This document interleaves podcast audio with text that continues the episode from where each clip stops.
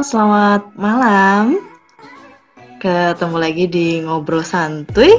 Dan kali ini saya uh, lagi mensabotase pemilik sebelumnya ya. Kalau sebelumnya itu suara cowok, uh, malam hari ini gantian lah ya. Jadi saya yang akan uh, ngobrol. Kita ngobrol-ngobrol mengenai uh, masih tema-temanya mungkin masih di dunia perkuliahan kali ya. Karena uh, teman saya yang kemarin itu basicnya di situ jadi saya nggak mau terlalu melenceng jauh kita ngomongin soal uh, sesuatu hal di dunia perkuliahan.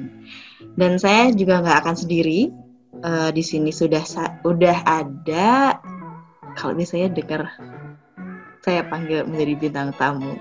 Please welcome Mas Taufik. Halo Jadi uh, saya cukup bisa mensabotage program ya. Oke oke oke. Sekarang aku jadi tamu ya berarti ya di sini. iya. saya impostornya, jadi saya mensabotase okay, memang. Oke, okay, Mas Taufik, kita mau ngomongin soal KKN, boleh nggak sih? Kita ngomongin soal ah, boleh banget. KKN, ya, kuliah kerja nyata. Betul. Uh, setuju nggak sih kalau KKN itu adalah satu suatu hal yang paling memorable dalam hidup mahasiswa?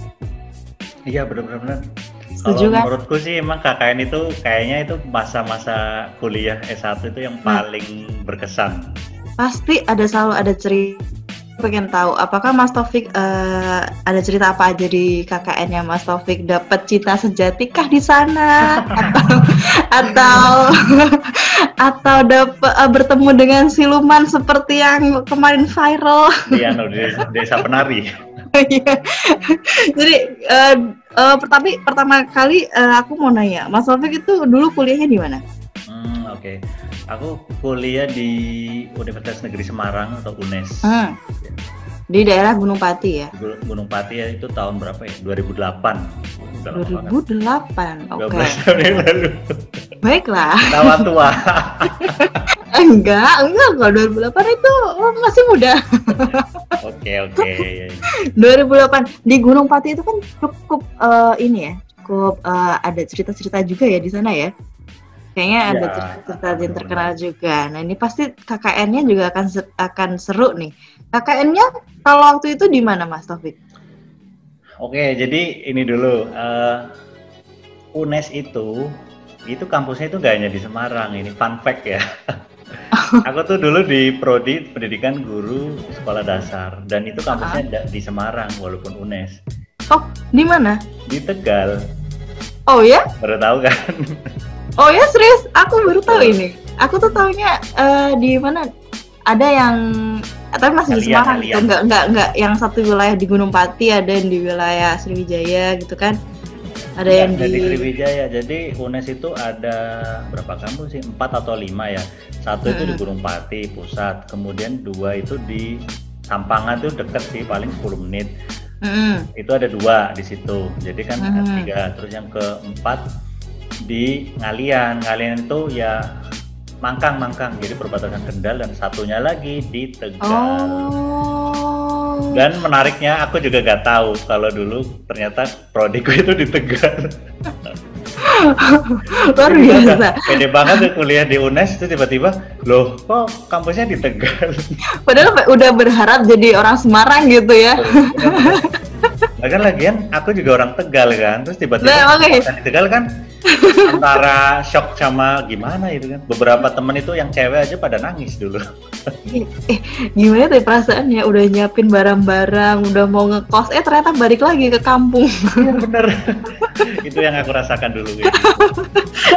tapi KKN-nya nggak di Tegal kan? kuliah di situ loh di Gunung Pati sumpah. Tapi kakeknya nggak di Tegal kan Enggak, kakeknya nggak di Tegal tapi di sampingnya di Brebes. Di... Oh, itu Mas Taufik nyari sendiri atau dapat dari dosen gitu? Um, sebenarnya kalau bahas kakeknya itu panjang sekali. Gak apa-apa, ini waktu ada. Oke, tapi tak resum aja ya biar ini nggak bosenin. Jadi di UNES itu KKN itu ini ada berapa jenis ya? Kalau nggak salah tiga. Satu itu Mhm. KKN reguler, itu Mhm. yang men- yang membuat apa sih tempat dan sebagainya sebagainya itu kampus kita itu tinggal ditempatkan. Oh, ah. Terus yang kedua itu namanya KKN yang bukan regu- reguler itu mahasiswa itu yang buat tim, kemudian Mhm. buat rancangan apa sih kegiatan, kemudian diajukan ke kampus. Hmm. Jadi kalau di ACC berarti anu apa namanya dijalankan. Terus yang ketiga itu KKN yang disponsori oleh sponsor kayak Pertamina dan sebagainya. kan. Oh, oke. Nah, Berarti terus ceritanya banyak banget ini nanti ya. Ada tiga KKN loh. uh, tiga jenis KKN. Ya, terus Nah ini nanti mau cerita yang mana ini? ya yang kalau aku itu ikutnya yang reguler. Oh yang reguler. Oh itu bisa bisa ikut bisa enggak gitu ya? Enggak semuanya wajib itu. Enggak. Jadi kalau Oh. reguler reguler itu wajib maksudnya intinya KKN itu wajib ya UNES itu Hmm. wajib eh, ikut KKN tetapi bo- eh, bisa milih antara tiga itu Oh gitu. Oke oke oke. Kalau yang- terus kalau yang normal biasa-biasa aja ya reguler kalau yang Mhm, yang membuat kelompok sendiri itu biasanya ini enggak semua Mhm. sih tapi biasanya itu mereka-mereka yang pengen KKN dekat-dekat ya gitu kan di sekitaran Mhm. Gunung Pati jadi mereka bikin Hmm. proposal di desa samping ya gitu jadi Mhm. mereka itu bisa KKN sambil kuliah itu biasanya gitu. Oh. Oke. Terus Mas Taufik yang reguler berarti yang disediain tadi ya, yang disediain Iya, oleh guru ya tadi ya, dosennya, ditetapkan oleh dosen gitu ya. Terus gimana ceritanya Mas? Ada ada sebenarnya itu awalnya itu aku pengen ikut yang KKN yang sponsor kenapa Oh. karena itu kan gratis disponsori terus Mm-mm. ya gimana ya dulu itu waktu S1 tuh seneng banget apa ya namanya kompetitif banget ya seneng ikut Mhm. jadi Mm, sponsor itu kan diseleksi kan jadi kayaknya oh bergengsi gitu. Oke. ternyata eh, tahun 2011 itu waktu aku KKN waktu tahunku KKN ya 2011 itu ada program dari Pemprov Jateng sama Pemkap Brebes. Dan itu Ah. menunjukkan semua angkatanku itu angkatan 2008 wajib ikut KKN reguler. Jadi tahunku itu KKN yang eh, proposal sendiri sama alternatif apa sponsor itu ditiadakan. Terus, ya udah terus akhirnya awalnya agak shock kan ah padahal udah pengen ikut yang apa yang sponsor itu pertama Pertamina khususnya itu kan. Mm-mm. ternyata harus di situ dan di Brebes kan kan agak males ya gitu kan deket ya gitu kan. Tapi ya udah terus ditempatkan dapat tempat itu di kecamatan Bantar Kawung Bantar Kawung sebenarnya aku nggak nggak pernah dengar itu Bantar Kawung yang tapi ternyata waktu lihat di peta Google Map itu deket sama Bumi Ayu kalian terkenal kan Bumi Ayu Oh, oke. Ya ya ya ya ya ya ya ya. Terus? nah terus itu yang lucu aja ini baru baru awal aja udah lucu kan Mhm. kan aku lihat di Google Map eh, rute kan maksudnya dari kampus di Tegal itu untuk ke Mhm. Bantar Kawung oh iya iya naik motor itu sekitar dua jam itu cukup jauh cukup Wow. kecil ya Dua jam. Oke. Dua terus? jam.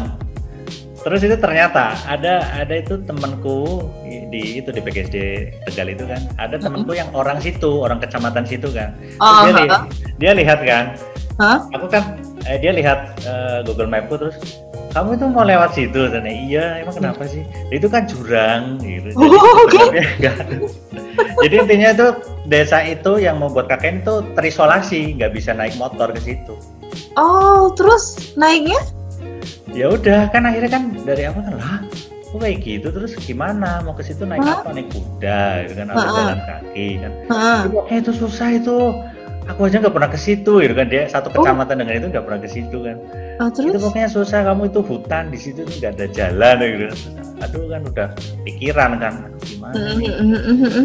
kayak gitu Ah, terus ah, udah di hari oh ya terus ini kan kita tim kan Heeh. tim nah ya ini kan lucu lagi wong aku kan di prodi PGSD Tegal memang sih aku itu walaupun pun kampusnya di Tegal cuma untuk aku pribadi sering ke kampus pusat di Gunung Pati Ah. mungkin Ah. kalau di rata-rata dua bulan sekali karena eh, aku pribadi tuh punya banyak kegiatan di kampus pusat kayak apa lomba terus ngambil eh, administrasi beasiswa kayak gitu gitulah Hmm. itu jadi kayak dua minggu dua bulan sekali lah nggak terlalu asing-asing banget mungkin ya teman-temanku yang lain yang jarang ke kampus pusat itu bahkan ada yang dia ke kampus pusat itu hanya waktu ospek dan wisuda dua kali bayangkan Oh. Lalu ya kan. Tapi tetap aja merasa asing maksudnya dianggap mahasiswa UNES ya nggak di UNES. Ya, kok nggak pernah kelihatan gitu ya. Iya kayak gitu jadi aneh gitu maksudnya kayak setengah kadang itu kalau ditanya orang kampusnya di eh kamu mahasiswa apa itu kan terus Mhm. merasa setengah-setengah loh aku mahasiswa UNES juga nggak nggak di UNES tapi, tapi kalau bukan UNES Tapi juga dari- UNES ya kan Dari belahan UNES yang lain ya. iya iya kayak gimana kayak orang Indonesia tapi di Papua kayak gitu loh maksudnya Hmm. setengah-setengah gitu loh Mhm. Kita kalau ke Jakarta itu juga di situ merasa primitif banget Jadi kayak minoritas ya di jadi keluarga sendiri ya. orang jauh kayak gitu loh orang jauh kayak gitu orang jauh Iya. Nah, jadi kan aku kan nggak kenal toh, nggak kenal, nggak punya temen dari prodi-prodi lain kan. Mhm. Ya, wong di Tegal itu kan cuma prodinya PGSD. Udah jadi kan selama Oh. kuliah 4 tahun itu sama prodi-prodi eh satu prodi. Memang kalau aku lumayan punya banyak teman di prodi lain, tapi kan ya sebatas temen lomba atau temen organisasi yang apa lintas yang satu universitas gitu. Tapi kan ya beda kan, bukan temen yang Mhm. kita kuliah kan bareng-bareng terus atau bukan teman kuliah tapi kan ya di kantin ke kantin bareng sekosan bareng gitu kan beda kan nggak nggak Hmm. deket banget ya gitu Mhm. terus waktu tim itu tim KKN itu kan aku plotting 10 itu gak ada yang kenal dong. 9 gak ada yang kenal terus mereka itu 9 di sana merencanakan apa di Semarang kayak gitu kan? Nggak tanpa aku kan sendirian. Tanpa aku sendirian juga mereka eh ini yang namanya Muhammad Taufik Hidayat itu kayak apa? Orangnya kayak apa terus kita ketemu pertama ya di di situ di kecamatannya Bantar Kalau Hmm. KKN ku nama desanya itu Kebandungan Ke Bandungan. Bandungan ya bukan Bandungan Iya ke Bandungan ya. ya ke Bandungan ya. Kayak ingat di, situ tuh berbes ya itu kita bacanya A bukan O Oh. Jadi contoh ya, misal ada desa di situ terlaya. Nah, anak-anak Unes itu bacanya terloyo. Padahal kan terlaya. Konyol banget. kira kalau terloyo? Lah iya kan berbes kita kan ngapak kan maksudnya Oh bacanya iya iya iya. A, Ha, ha, oh iya. tegak. Nggak, vokalnya jadi A ya. Ah, iya. Oke, terus kita pertama ketemu di situ di kecamatan kan. Oh, ini topik ya. Oh, jadi ini berarti timku gitu kan. Oke. Ya, aneh aneh sendiri kayak gitu. Mereka kan udah ketemuan berapa kali di situ dua atau tiga kali, sedangkan aku tiba-tiba di di lokasi di kecamatan Mm-mm. itu. Terus di situ pun ternyata sama di situ kan kumpul dulu kayak apa sih namanya kumpul mahasiswa sama apa sih pengurus desa kayak gitulah. Yang Iya. menyambut lah penyambutan kan.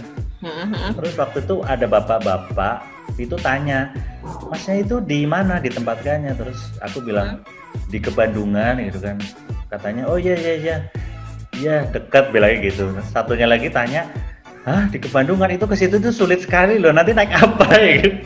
lah kan jadi aduh kepikiran ke situnya gimana? Terus di situ ada sinyal apa tidak gitu kan? Kan ya maksudnya gimana pun kan kita kan tetap apa butuh komunikasi gitu. Mm-mm. Mm-mm. terus eh, tapi ternyata eh, dijemput Eh, Mhm. oh ya aku masih ingat gak ya itu timnya 10 itu siapa aja mungkin ada nama yang nggak disebut karena itu Oke. nanti ada cerita-cerita yang nggak nggak terlalu bagus ya itu kan Oke. tapi itu yang seru makanya mau tak ceritakan tapi tak nggak akan sebut nama. jadi itu ada Iya. 10 beda prodi semua ada Uh-uh. Bang Jai itu dari PPKN Mhm. kemudian Aswin dari sejarah, Mhm. Fikri matematika, Mhm. aku PGSD Tegal, terus Nora itu PGSD Semarang, Mhm. eh, W W itu PAUD, terus Oke. eh, Nita eh, Nita itu apa ya Sen- seni drama musik pendidikan seni drama tari musik Mhm. Nah, terus Nunung bahasa Inggris dan Nilam oh ingat semua Nilam bahasa Jepang Puluh ya Oke. udah. oh satu lagi nih siapa namanya lah, siapa sih? Ah, lupa. Itu dari bahasa Jawa. Cewek juga jadi enam cewek empat cowok. Hmm. Loh, terus kita dijemput itu naik pickup. Pickup terus aku mikir lah bisa atau naik mobil ke situ kan? Mhm. tapi ternyata ya nggak semudah itu. Jadi itu kan lewatin hutan. Dari kecamatan itu jauh banget. Mm-mm. satu jam apa ya? Itu naik eh, ke hutan hutan-hutan gitu kan terus itu ada ada yang ya memang itu kayak aneh banget tentang alamnya itu benar-benar nggak bisa nah, itu kayak turun. Jadi itu ada jembat kayak jembatan tapi nggak ada. Jadi itu kayak turun ke bawah terus naik. Oh itu ampun deh itu eh, apa namanya memang susah kalau naik motor atau mobil kayak gitu. Tuh. Oke, terus? Nah, eh, udah udah sampai memang benar-benar itu desa itu eh, tengah-tengah hutan. Jadi utara, selatan, barat, timur itu hutan. Jadi keluar mau keluar ke situ ya misal mau ke kecamatan, ke pasar itu benar-benar menakutkan sih. Maksudnya ya bayangkan kita misal naik motor ya. Naik motor bisa ternyata walaupun susah, susah tapi eh, hutan-hutan gitu kan. Terus jalannya juga jangan dibayangkan kayak Kalimantan Hmm.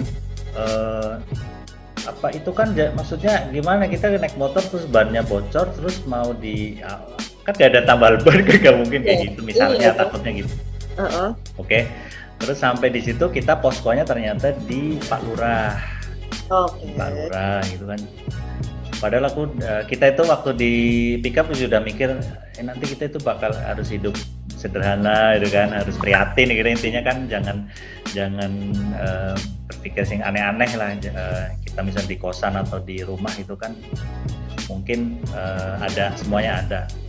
Tapi ternyata di Palura dan rumahnya bagus rumahnya bagus dan Paluranya itu baik banget. Eh, apa namanya kita itu dikasih makan itu makanan yang mewah sih sebenarnya kalau di kalau di termasuk mewah. Jadi makan ikan terus daging kayak gitu. Hmm. terus kalau malam kalau lapar katanya ambil aja itu. Dia kan toko ambil aja mie dia, dia anu. Oh, enak sekali. ya jadi jadi apa sih? Nggak padahal kan waktu itu lagi ada acara kalau ingat ya. Namanya jika aku menjadi Ya? Oh ya, I see, I see. Nah kita tuh mikirnya, aduh ini kita tuh harus ini mau jadi jika aku menjadi gitu kan tiba-tiba eh, ternyata enggak, ternyata jika aku menjadi anak orang kaya. Lah ya kan kayak makan makan enak terus. Iya, iya, iya, benar, benar. Mungkin lebih enak daripada kita waktu di kos-kosan. Karena semuanya ada ya, tinggal ambil Semuanya ya. ada. Dan itu gratis ya. Ya beruntung sih kita dapat ini apa em, palura yang baik ya. Ah, ah, ah, ah. Ya alamnya bagus ya, jelas lah itu benar-benar hutan gitu kan. Mm-mm. Tapi ada listrik, alhamdulillah ada listrik, ada sinyal walaupun sedikit kecil lah gitu kan. Itu benar-benar nggak ada eh, desa yang lain, cuma satu desa itu aja. Iya, kalau emang itu benar-benar de- ada desa lain tapi kan berapa kilo ya? Dan itu kan 5 kilo ya dan hutan ya udah kita harus ke melewati Ini, hutan. cerit- lima- ini ceritanya benar-benar kayak desa penari ya. Iya. Makanya relate banget itu kalau misalnya waktu desa penari muncul kemarin booming tahun kemarin itu kayak bayangkan setting-settingnya itu mirip-mirip kayak KKNku itu. Oh, benar-benar aksesnya juga susah, terus terpencil, sebelah-sebelahnya hutan gitu. Terus ada ada cerita mistis juga. Mistis sebenarnya ada gitu kan. Oh, wah, ini. Ada lah ya pasti. Wah, ini, ini. Ini ano soundnya ganti dong jadi horor. ini KKN desa bukan penari. Banyak ya. Jadi cerita horornya itu eh, ini beberapa aja ya. Oke. Jadi gini, nilam itu yang dari bahasa Jepang itu tuh Hah? indigo ya menurutku. Sekarang Oh. baru, maksudnya istilah indigo itu kan baru sekarang-sekarang. Kalau dulu kita nggak tahu itu namanya ya, ya ngerti-ngerti kayak gitu lah. Orang yang Iya. ngerti ada setan ya gitu kan. Itu Orang nilam indigo. Ada dua sama dua Bang Jai juga itu kayaknya indigo. Mhm. Konon itu Bang Jai itu dulu itu karena pernah pernah ikut apa sih maksudnya pernah ngilmu kayak gitu lah belajar ilmu batin gitu kalau Bang. Jai kalau nilam enggak kalau nilam itu keturunan kayak gitu. Oh. Nah, ya mereka sih yang sering dapat apa sih namanya penglihatan ya mereka berdua dong, gitu kan. Oh. Kalau aku sih alhamdulillah nggak nggak pernah lihat ya gitu. Cuma waktu itu nilam, eh, oh ya kita itu tidurnya itu gini. Ini namanya KKN ya maksudnya. Uh-huh. Eh, kamar itu ada dua. Nah Heeh. kamar yang satu itu kasurnya di bawah. Mm-mm. kamar yang satunya kasurnya itu ranjang yang yang di atas gitu loh yang Hmm. bagus saya bilang Mm-mm. terus satunya sisanya itu di di ruang tamu Oh. di ruang tamu campur-campur kayak gitu ya kan ya namanya kakaknya bebas Ya. tapi di itu di rumah Pak Lurah ya jadi tidak maksudnya tidak yang benar-benar bebas sih. nah eh, waktu itu cewek-cewek kan di kamar kita itu di luar ternyata Nilam itu sering aneh gitu loh sering aneh terus tapi dia nggak ngomong nggak ngomong terus Anehnya eh, aneh aneh gimana? ya aneh tiba-tiba dia kayak ketakutan terus keluar gitu tapi nggak Oh. ngomong gitu tapi kan yang lain ikut ketakutan yang cewek kan gitu. Mm-mm. terus akhirnya dia cerita kalau ada ada penampakan lah cewek Oh. itu terus yang kedua eh, Bang Jai itu kesurupan Oh ya? iya kesurupan jadi kayak pokoknya kita takut lah malam-malam tiba- tiba-tiba eh, gerem-gerem kayak gitu kan Oh, gerem-gerem. maksudnya mengeluarkan suara-suara aneh gitu kan Iya. itu Oke. terus sejak dan kejadiannya itu di kamar yang ada kasur bagusnya terus akhirnya cewek-cewek nggak mau tidur di situ Oke. takutan terus akhirnya yang tidur di situ aku sama Fikri berdua Tapi nggak Cewek. pas nggak apa. Atau cewek-cewek itu di kasur eh, di kamar yang kasurnya di bawah sama di luar di sofa ya tapi mereka sendiri yang mau ya maksudnya kalau aku sih ya udah nah, Mas Taufik berarti nggak ngalamin sendiri ya? enggak alhamdulillah enggak sih tapi itu beberapa kali mungkin Nilam juga lihat bisa di eh, apa ininya ada sumur ya di belakang ya Oh, oh, oh. itu itu Nilam lihat terus Bagja juga lihat tapi kalau Bagja itu menurutku agak freak maksudnya ya mungkin karena ngilmu gitu ya. Itu kita itu pernah diceritain sama Pak Lurah kalau Hah? ada satu spot ya sebelum masuk ke desa. Ya deket banget sama desa lah. Itu spot hutan itu batu gede batu gede dan itu katanya angker gunung pendil kalau nggak salah. Jadi batu gede itu dinamakan gunung pendil bukan gunung maksudnya gunung besar enggak ya. Terus itu Bang Jai itu malam Jumat malah ke situ gila kan sih Ngapain sih? Lihat setannya dong Heeh, terus? Ya iya beneran dia ke situ. Biar kita ke situ ngajak-ngajak kita aku gak mau udah. Dan nggak terjadi apa-apa tapi? Nggak nggak terjadi apa-apa. Oh. Terjadi apa-apa. Itu tok sih. Jadi Bang dia pernah kesurupan, nilam. Itu kesurupannya tuh sih- ada ada kayak pesan-pesan gitu nggak sih? Biasanya kan kalau kesurupan kan kita bisa tanya kan. Enggak. Gitu. Cu- cuma suara-suara aneh nggak nggak bisa kita Oh. Oke. itu di kamar itu makanya kamar itu terus nggak ada yang mau tapi aku sama Fikri alhamdulillah nggak nggak apa-apa ya aku sholat di situ ngaji di situ mungkin ya gitu. Mungkin ngikutin nak si tadi si siapa si J ya. Mhm.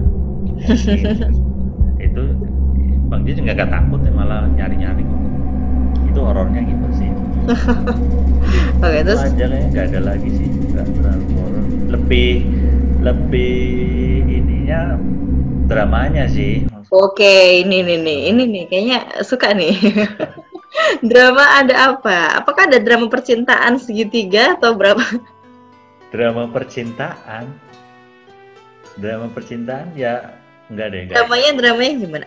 Biasanya eh, eh, pasti kan ada drama memang itu ya, karena kan kita kan be- berbeda berbeda latar belakang, terus kemudian harus kumpul selama beberapa hari, itu pasti kan ada ada ada ya ketidak Konflik.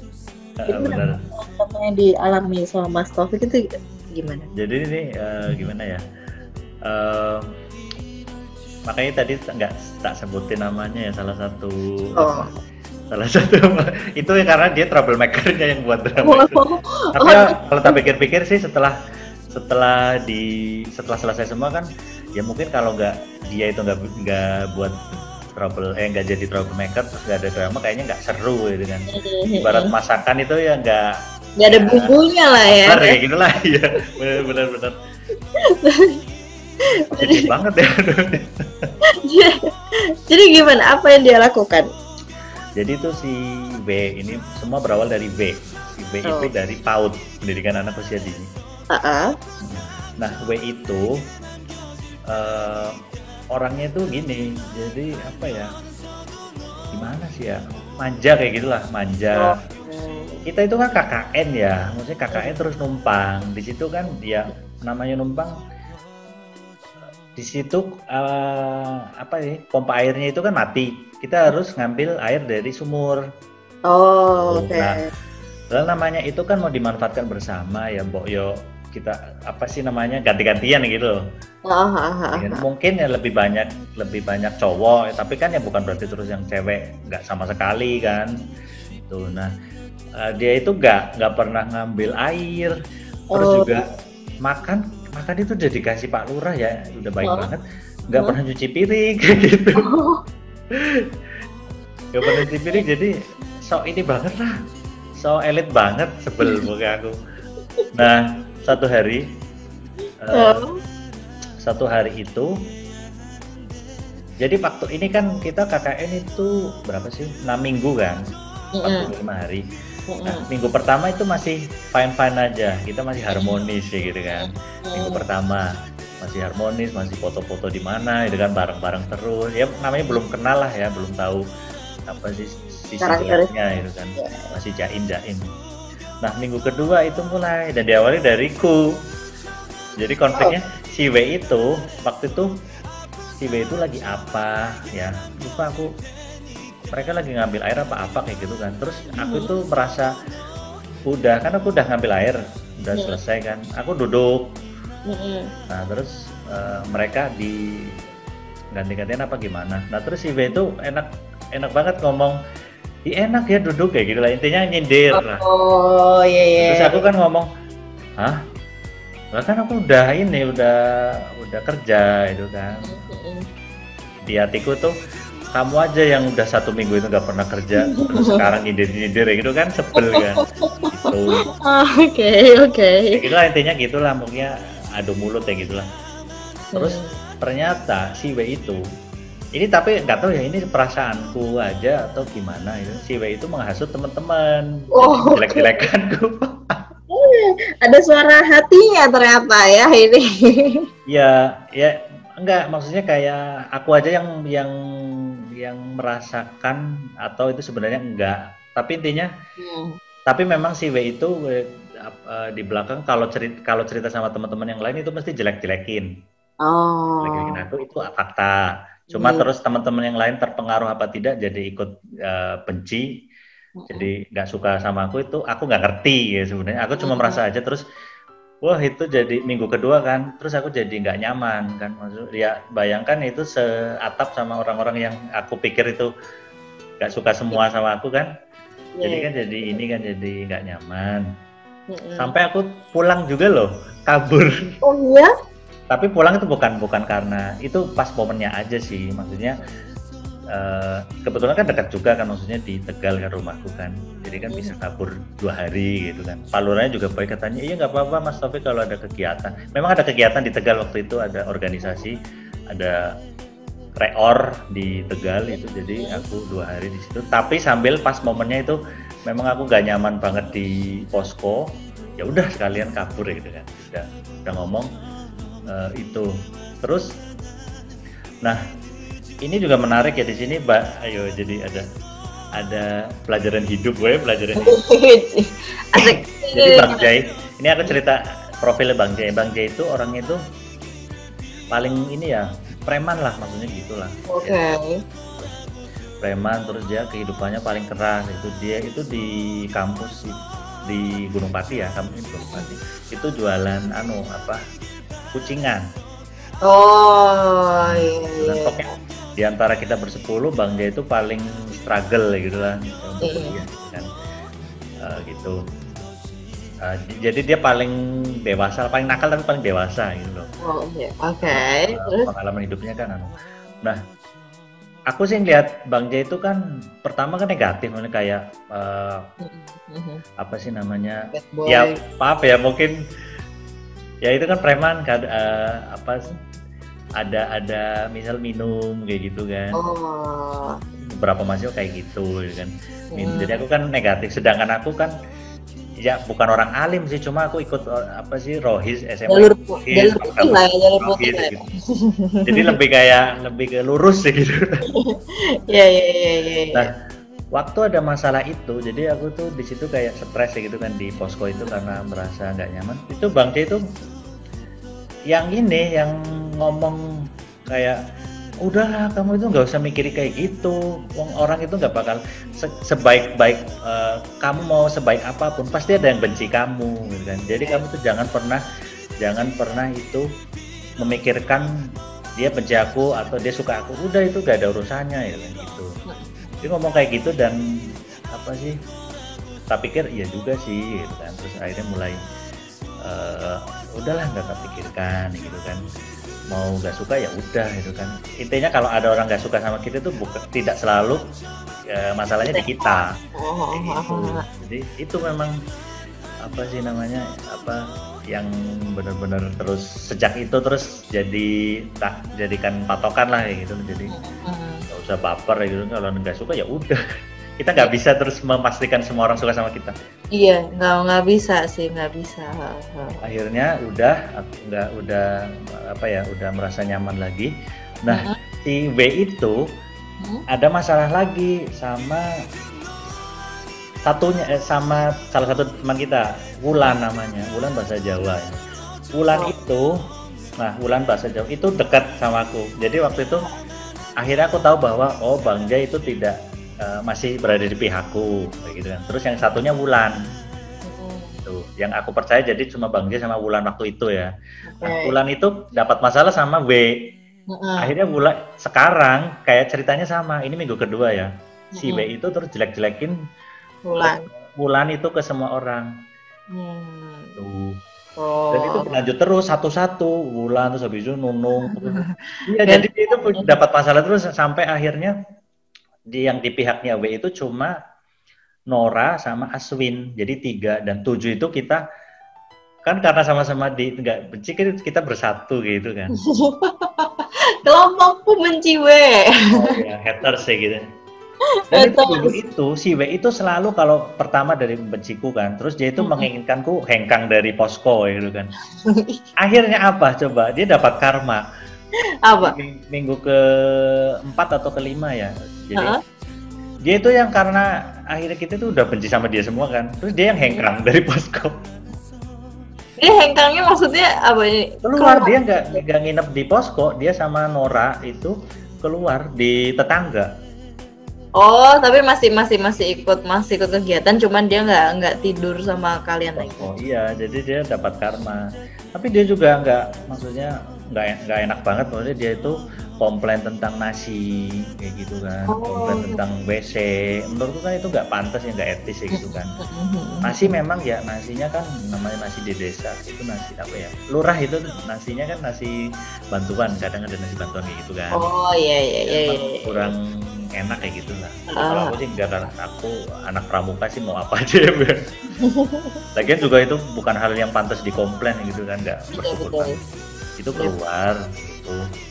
Dan sebenarnya nggak sampai itu. Jadi eh, perbuatannya itu tidak sampai itu. Dia itu juga suka ngumpul sama ibu-ibu desa, Oke. tapi untuk gosip. Terus jelek-jelekin kita. Itu ibunya mikir gimana ya? Lain mbaknya, eh, saya tuh ada di pihak mana ya? Iya, enggak tapi ibu-ibunya itu suka eh, terus di akhir itu orang sedesa itu benci sama mereka berdua. Sumpah. Oke. Terus Jadi kayak segitunya? eh, pernah ya aku itu ke warung kayak gitu kan. Terus tiba-tiba itu ibunya tanya eh, eh ibu- ibunya itu ngomong kok itu yang berdua itu kok kayaknya beda ya sama kalian ya gitu kan. Kalau kalian baik tuh kalau mereka berdua itu kayaknya beda. Mereka berbeda. Katanya gitu. Jadi mereka itu berbeda. Heeh. Pasti terus eh, aku tapi nggak mau ikut jelek-jelekin mereka kan. Eh, jadi ya udah terjawab, oh masa kayak gitu sih? enggak lah sama aja mereka juga sama kayak gitu kan gitu ya mungkin itu ibu itu mancing juga atau gimana tapi Ya, dia nggak mau iya. menjelekan itu biarkan orang itu tahu bahwa eh, orang itu tahu sendiri bahwa siapa yang baik siapa yang jahat ya gitu tapi memang penduduk desa itu nggak pada suka sama mereka berdua beberapa itu pada ngomong itu tuh kayaknya yang dua itu angkuh kayak gitu kan terus Hmm. apa sih kayak beda sendiri kalau kalian kan apa sih ramah dan kawan-kawan kalau itu enggak kayak gitu Hmm. jadi ya aku sama teman-teman yang bertujuh itu merasa kayak ya udahlah yang bener ya maksudnya kayak memang eh, alhamdulillah orang-orang itu tahu mana yang baik mana yang jahat kayak gitu nggak akan lama lah ya menyembunyikan hal-hal buruk itu. betul betul betul nah kalau bang Jai itu dia juga suka kumpul-kumpul sama pemuda-pemuda tapi kumpul-kumpul minum jadi so- jiwa sosialnya bagus sih tapi kebablasan Pendekatannya yang beda ya, pendekatannya yang lain. Iya, iya, iya. Tapi itu Bang Jai itu benar-benar yang paling bisa berbaur dengan masyarakat yang paling diterima lah. Iya, iya, iya. Ya karena memang dia ke mana-mana itu. Itu soalnya Fikri itu Fikri itu formadesnya ya. Hmm. Itu sampai bilang, "Lah iyalah itu Bang Jai yang paling populer, paling disukai apa? Eh, penduduk karena kumpul ya kumpul, minum ya minum." gitu lah itu dramanya itulah jadi kita eh, Oke. sempat apa sih di saling mengha eh, bukan saling menghasut sih dia yang menghasut kayak gitu kan Hmm. terus Mhm. ada kita juga kasihan sama Bu Lurah sama Pak Lurah kan karena si W itu juga jelek-jelekin fasilitas tentang nasi dan sebagainya itu Oh, kan iya. ya, ya Allah, menurutku nggak bagus banget Iya, enggak etis lah ya kan di sana kan. Itu kan pemberian lah ya. Iya pemberian kok dijelek-jelekan nggak Iya. tahu terima kasih banget. Pokoknya itu sebel banget sama dia. Hati-hati loh Mas. Biasanya tuh eh, benci sama cinta itu bedanya tipis. Enggak enggak. Tapi kalau ini kan KKN-nya maksudnya berarti nggak drum percintaannya ya. Padahal biasanya tuh eh, pasti ada cerita cinta di balik KKN loh. Sampai kalau sampai gimana sih pacaran gitu enggak sih enggak ada. Nggak ada, yakin. Aku tuh penasaran loh kan, eh, pasti kan orang-orang eh, bilang kalau eh, cinta saat KKN tuh pasti cinta sesaat gitu kan. Penasaran aja, apakah ada yang bisa sampai langgeng, sampai menikah gitu? Eh nggak tahu nggak pernah sih nggak pernah dengar. Kayaknya memang cuma sesaat lah ya. Kalau sampai nikah maksudnya eh soalnya kan waktu itu kan ya semester 7 kan. Hmm. Enggak maksudnya jarang sih kan sih yang kemudian nikah itu kan pulang dari KKN nikah paling tidak kita itu pun kalau mahasiswa itu kan ya nikahnya kan empat tahun kemudian atau lima tahun kemudian itu kan jadi kalau itu bukan teman kita kan kita nggak tahu Iya, iya, iya. tapi kalau memang ada yang cinlok terus akhirnya putus sama apa namanya pacarnya kayak gitu sih banyak sih banyak banget sih. Iya sih yang yang cinlok gitu sih. Kalau pacaran gimana ya? Nggak ada sih, nggak ada. Ya kita deket-deket aja, maksudnya kayak aku dekat sama Bulan gitu, tapi Hmm. teman-teman aja. Pernah waktu minggu awal dekat sama Nora karena sama-sama PGSD kayak gitu. Oke. Tapi ya nggak nggak sampai terus gimana tertarik-tarik enggak. enggak juga. Oh. Terus proyeknya Mas Taufik waktu KKN di desa itu apa aja? Oh iya, proyeknya itu di itu proyeknya Pemprov Jateng sama Pemkap apa sih Brebes maaf. Mm-mm. Itu pemberantasan buta aksara. Nah ini juga. Oh. ini kalau pikir-pikir ini aneh banget konyol banget buka buka rahasia jadi itu kan banyak, masih banyak di desa itu yang nggak bisa baca tulis Mm-mm, mm-mm. nah ada waktu itu ada estimasi dari pemerintah itu ada sekian nih gitu loh Oke. ada berapa sih? 100 100 100 orang. 100 orang sebenarnya lebih ding maksudnya tapi kita itu dibebankan satu mahasiswa itu bisa membuat melek aksara itu 10 jadi kita kan 10 10 kali 10 Oh iya iya iya. iya. targetnya 100 sebenarnya banyak tapi targetnya 100 Mm-mm. memang sih kalau di setelah kita survei ya di situ eh, apa namanya yang nggak ada 100 sih nggak ada 100 mungkin puluhan dan Hmm. yang puluhan lah mungkin ada 80 ada Tetapi yang yang penting itu Hmm? tidak semua yang butaksara itu mau ikut program kita, mau belajar. Oh ya. Jadi kita susah dan eh, kita belajar pagi sampai sore itu nggak bisa karena mereka di sawah kan, sawah atau hutan. Hmm. Akhirnya malam habis maghrib, habis maghrib sebagian besar dari mereka juga istirahat kan tidur ngapain belajar. Iya, mesti udah capek dong. Hmm, Udah akhirnya eh, realnya kita tuh cuma ngajar selama apa selama KKN itu tuh cuma paling totalnya ya totalnya itu 25 Tapi itu bisa sampai sampai bisa gitu. kalau ngomong sampai Di di sini akhir. itu impossible ya maksudnya itu kebetulan kan aku PGSD PGSD itu kan itu ilmuku ya. Jadi eh, aksara dan butaksa apa melek aksara butaksara Pak calistung itu kan memang Hmm. core itu kan. Jadi di situ agak yang paling paling ngerti kayak gitu di KKN itu anak-anak PGSD itu ya itu memang bidangnya gitu kan. Ngajar PCD kan anak PGSD kan?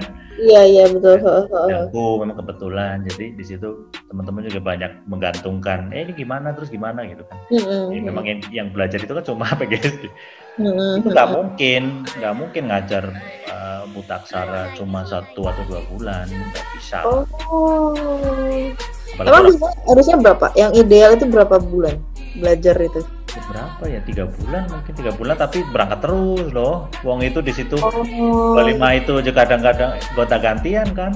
Kadang mau kadang tidak. Kita lagi nggak bisa memaksa kan ngasih apa kita sama mereka itu kan. Ngasih uang kan. Nggak. Enggak. Oh iya iya sih. orang tua beda ngajar orang tua itu lebih sulit dibanding ngajar anak-anak. Iya sih. Ya enam bulan deh mungkin di tiga bulan itu kayaknya susah. Enam bulan lah Terus selain selain itu pro- eh, programnya apa lagi? itu itu program utama tapi kita bersyukur alhamdulillah eh, itu dibiayai semua ya jadi Oh. papan tulis pensil pulpen terus penghapus dan sebagainya sebagainya itu di udah dikasih di dropin di dropin terus kita juga Hmm. dikasih uang untuk program tambahan terus kita Hmm. uangnya buat program masak apa sih bikin kue kacang apa apa lupa kue Kue kacang, kacang. Hmm. Sama apa sih apa ya ngecat itu ngecat lapangan badminton Oh iya iya. sama iya. bikin pelang lah tanda kan eh, tanda kasih lah ya, tanda mata iya. KKN. Iya, cuma itu dan itu kan udah dikasih sama pemprov itu kan jadi kita itu KKN free. Jadi program itu uang dari pemerintah. Bahkan tadi kan makan makan dan nginep itu kan di Pak Lurah itu tuh nggak mau dibayar jadi gratis. Jadi? KKN itu kita gratis. Khusus Oh. untuk yang apa ke Bandungan ya karena itu apa, menginap sama makannya itu digratiskan. Jadi benar-benar gratis. Tis tis.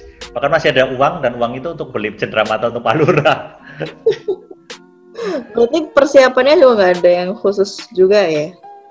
Persiapan nggak ada sih persiapan nggak cuma Mm-mm. itu pemprov kan namanya pemerintah ya maksudnya eh, harus yang dilaporkan harus sesuai kan itu Hmm. itu kita kumpul di kecamatan itu DPL kecamatan apa sih namanya pokoknya dewan dewan dosen pembimbing lapangannya kecamatan itu tuh menuntut kita untuk pokoknya kalian itu harus benar-benar menjalankan itu 100 ya 100 Oh. Udah. Nah itu kita itu pada sebel ya sebenarnya sama dosen itu kan. Mulai 100 gimana? Wong kita tuh udah berjuang untuk merayu mereka itu gak ada yang mau. Nah, buktinya apa? Buktinya itu disuruh buat ijazah. Namanya ijazahnya itu Oh, su- baik. surat keterangan melek aksara. Surat keterangan melek aksara ini. Ya, Sukma. jadi bukti bukti fisiknya sukma ijazah itu kita harus menerbitkan 100 ijazah. Hmm. dan kita nggak mungkin ya 25 yang belajar itu aja itu nggak nggak ada yang bisa sampai melek aksara kok lawan belajar IUEW aja itu sampai dua jam kayak nggak apa sih nggak nyambung nyambung kayak gitu loh oke capek banget ngajar kayak gitu mana kita harus apa sih melewati hutan kan rumahnya jauh-jauh Iya iya. Emang nggak disuruh kumpul gitu? Atau itu door to door?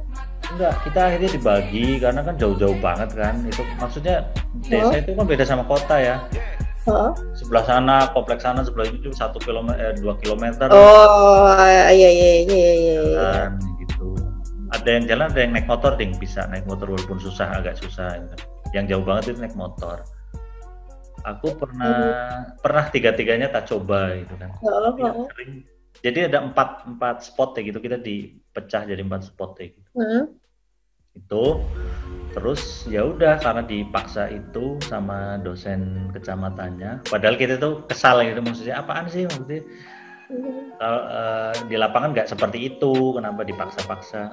Tapi ya udah kan dituntut kita menerbitkan 100 itu sukma terus itu me- ke dari door to door itu minta penduduk itu pada foto difoto gitu. Untuk Oh. gitu loh, ijazah itu ijazah kan ada fotonya kan Iya iya iya iya, betul betul betul ada ada ada. Oke seru banget ya ternyata ya Mas Taufik. Berarti itu juga mengimplement- mengimplementasikan mat- pelajaran yang diambil di kuliah terus dipraktekkan di sana juga ya. Hmm, ya kalau aku khusus aku PGSD iya Hmm, hmm, lain tapi ya ada di ada itu sih bimbel untuk anak SMP Mhm. SMP mah ya sesuai bidang mereka masing-masing sih. Mulai ngajar PPKN ngajar Oh. eh btw di situ tuh bener-bener ini agak mind blowing loh.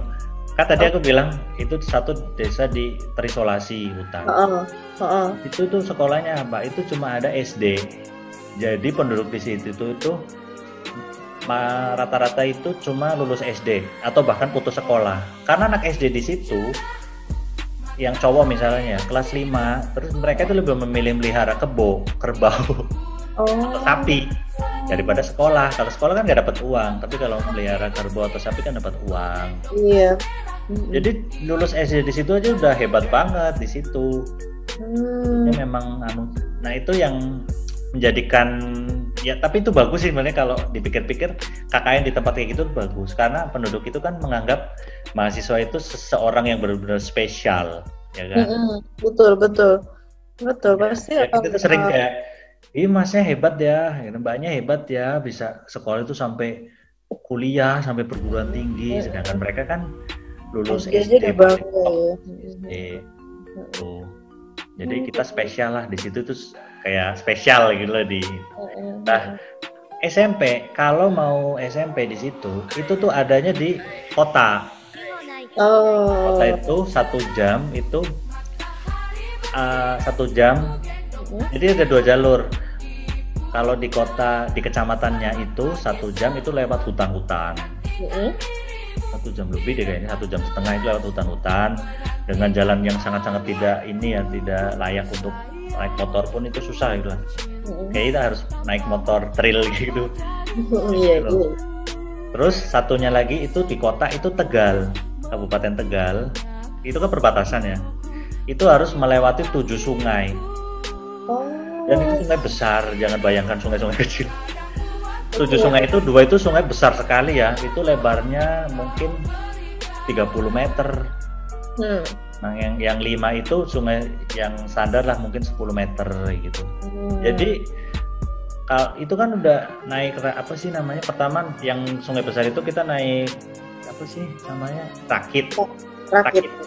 rakit terus habis itu yang sungai-sungai kecil itu kita turun dengan kalau anak SD itu ya sampai se, se- ini se Wah. Keleher. Segitu ya? Jadi kalau hujan itu kan meluap. Itu Oh. sebenarnya orang tua kan melarang. Jadi Oh. biasanya mereka kalau musim hujan satu bulan itu bolos. Yang SMP ya itu ya. Jadi Wah. karena Tapi itu, itu aman itu sungai-sungai yang nggak ada buaya maksudnya. buaya sih konon adanya. Ada ya ada katanya. Itu yang besar itu ada di buayanya. Tapi kalau yang kecil enggak. Tapi intinya di situ kalau mau SMP itu mempertaruhkan nyawa berarti. Iya untuk meraih apa gelar lulus SMP Luar biasa sekali ya. makanya makanya ya untuk SMP aja itu sampai kayak gitu. Mungkin kita kalau di posisi itu juga belum tentu kita sekolah. SMP mungkin mereka akan lebih mem- memilih untuk ngekos ya. kos juga belum tentu sih maksudnya tidak semua mampu sih ya. Hmm, tidak oh, semua ya, ya. gitu sih. Jadi Oke. apa namanya itu kayak oh ternyata di Jawa juga ada potret kayak gitu ya. Kirain itu cuma di Kalimantan ya atau Irian Jaya bener-bener apa namanya untuk lulus SMP aja itu perjuangannya sampai kayak gitu. Mungkin kalau kita belum tentu juga bisa ya kan? Gitu.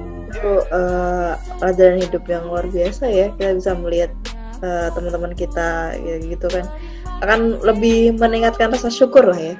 Iya benar pokoknya lebih banyak bersyukur lah di situ terus yang kedua uh, kayak baru sadar bahwa oh ternyata di Jawa juga ada yang kayak gitu iya sebelumnya nggak pernah ya nggak pernah terpikirkan ya, ada seperti itu di Jawa ya. gitu. iya iya, iya. Oke, terima kasih Mas Taufik ceritanya luar biasa seru dengan uh, drama-dramanya juga tadi. Tapi kalau kalau dirangkum memang uh, hampir sekelas mirip sama uh, yang kemarin viral itu ya. Di kakak itu bisa menari. Ada horornya, terus kemudian kalau dramanya bukan percintaan tapi drama tadi ya. Si konflik. konflik. konflik rumah tangga. konflik rumah tangga benar-benar. Oke, okay, uh, eh, next kita nanti uh, next time kita ngobrol ngobrolin lagi yang uh, seru-seru lagi, ya, Mas Taufik ya. Eh, tapi ada ada satu ini hal yang belum aku sampaikan nih. Gimana gimana gimana? Kesimpulan gitu ya. Oke okay, oke okay, gimana? gimana? Kesimpulan. Jadi um, boleh dikatakan aku tuh terobsesi sama yang namanya KKN Dulu uh, aku, itu di desa ya, uh, orang orang desa itu kan. Di mana desaku pun walaupun tidak separah yang tadi di KKN ya, desaku itu dulu rata-rata ya sekolah itu lulusan SMA itu kan. Yang kuliah itu sesuatu yang spesial. Nah, dulu aku uh, punya cita-cita oh pengen kuliah itu juga gara-gara ada orang yang KKN di desaku dari Unsur sama Undi gitu. Jadi uh, ini seneng ya kuliah nanti bisa KKN gitu itu jadi uh, dulu akhirnya akhirnya dapat rezeki bisa kuliah ya dapat beasiswa S1 gitu kan itu karena ini KKN terus waktu KKN di situ kan aku merasa eh, waktu akhirnya aku bisa KKN kan eh, kuliah di UNES terus KKN hmm? kan merasa wah seneng banget ya memang KKN itu benar-benar menyenangkan gitu kan hmm, hmm, hmm. terus itu aku ingat banget ya ini momennya waktu di upacara mau penutupan di kecamatan lagi kan kita kumpul kecamatan lagi hmm. Nah kita itu kan kayak KKN yang paling ini kan di desa Kebandungan itu yang paling sukses. Kenapa? Karena kita itu pulang itu bawa sekarung hasil bumi sampai itu kelompok lain itu yang di kecamatan itu tuh iri lah. Hah? Kok kalian tuh bawa kayak gitu sih? Ini kakak yang paling sukses sih kayak gitu. Iya iya iya iya terus memang bukan hasil buminya sih sebenarnya. Memang aku merasa senang di situ uh, dapat teman. Lebih diterima gitu sama ya. masyarakat diterima gitu sampai kita ditangis tangisi loh. Aku pun kita nangis. Semuanya nangis di situ. Itu benar-benar uh, apa namanya berkesan lah. Beberapa kali aku ke situ lah. Dua atau tiga kali datang lagi ke situ alhamdulillah bisa. Dan masyarakat juga masih menerima. Nah, hmm. balik lagi tadi ya di di kecamatan itu aku sama Wulan kebetulan aku itu dekat banget sama Wulan ya. Itu hmm. uh, ngobrol kayak gini, intinya eh nanti kalau misalnya S2 gitu ya, S2 ya. Hmm. Padahal ya itu cuma omongan kosong gitu kan. Aku gak pernah punya niatan S2 gitu kan. Hmm. Kalau S2 ada ini gak sih KKN sih? Eh KKN gak sih? Kayaknya gak ada deh. Kalau misalnya kamu suka KKN kamu harus jadi dosen kayak gitu oh. jadi akhirnya mungkin apa sih motivasi utama jadi dosen aku karena pengen KKN jadi KKN itu hal yang bermakna banget lah uh, apa bagiku gitu kan hmm. ya dan, dan alhamdulillah setelah jadi dosen dulu kan pertama di Undip dulu kan terus mm-hmm. eh, di Undip kan nggak nggak ada KKN maksudnya nggak bisa ikut KKN terus waktu di UMS tahun pertama udah langsung ditugasi jadi dosen pembimbing lapangan KKN dan wah ya Allah. Cita-citanya terkabul ini bisa KKN terus.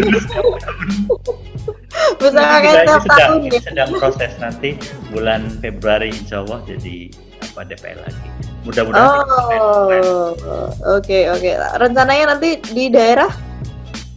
Kalau tahun lalu itu di Karanganyar dekat Tawangmangu. Tahun lalu lagi. Sebelumnya di Wonogiri di dekat Waduk Gajah Mungkur gitu ya cukup hmm. tapi tidak seterpencil zaman dulu. Oh oke oke oke. Iya iya. Kalau aku sih uh, dari tadi ceritanya Mas Taufik itu yang bisa aku ambil adalah uh, ya kita kadang orang itu mikirnya apa sih kita tuh nggak bisa bermanfaat bagi orang lain padahal orang lain sekecil apa pun peran kita itu sangat menginspirasi ya Iya, Karena. Eh, tadi dengan KKN aja ternyata bisa menginspirasi orang lain untuk bisa kuliah Iya. bisa bisa menginspirasi orang lain jadi dosen kayak gitu jadi jangan pernah mengunderestimate eh, nilai di diri kita gitu kan. Ya memang kadang hal kecil itu kan kita nggak tahu kita melakukan hal kecil tapi impact bagi orang itu bisa besar loh. nah betul betul jadi eh, jangan pernah eh, bosan untuk berbuat baik dan menginspirasi orang banyak ya Wah iya. iya. Statement sangat luar biasa. ini kan tadi dari eh, Mas Taufik saya juga terinspirasi dari Mas Taufik untuk menciptakan kalimat tadi Oke oke. Oke, terima kasih Mas Taufik Sama-sama. eh, obrolannya pada eh, kesempatan kali ini. Nah, semoga masih diberi umur panjang biar bisa eh, ngobrol-ngobrol santai lagi ya. Amin amin. Oke, terima kasih. Selamat malam. Selamat malam.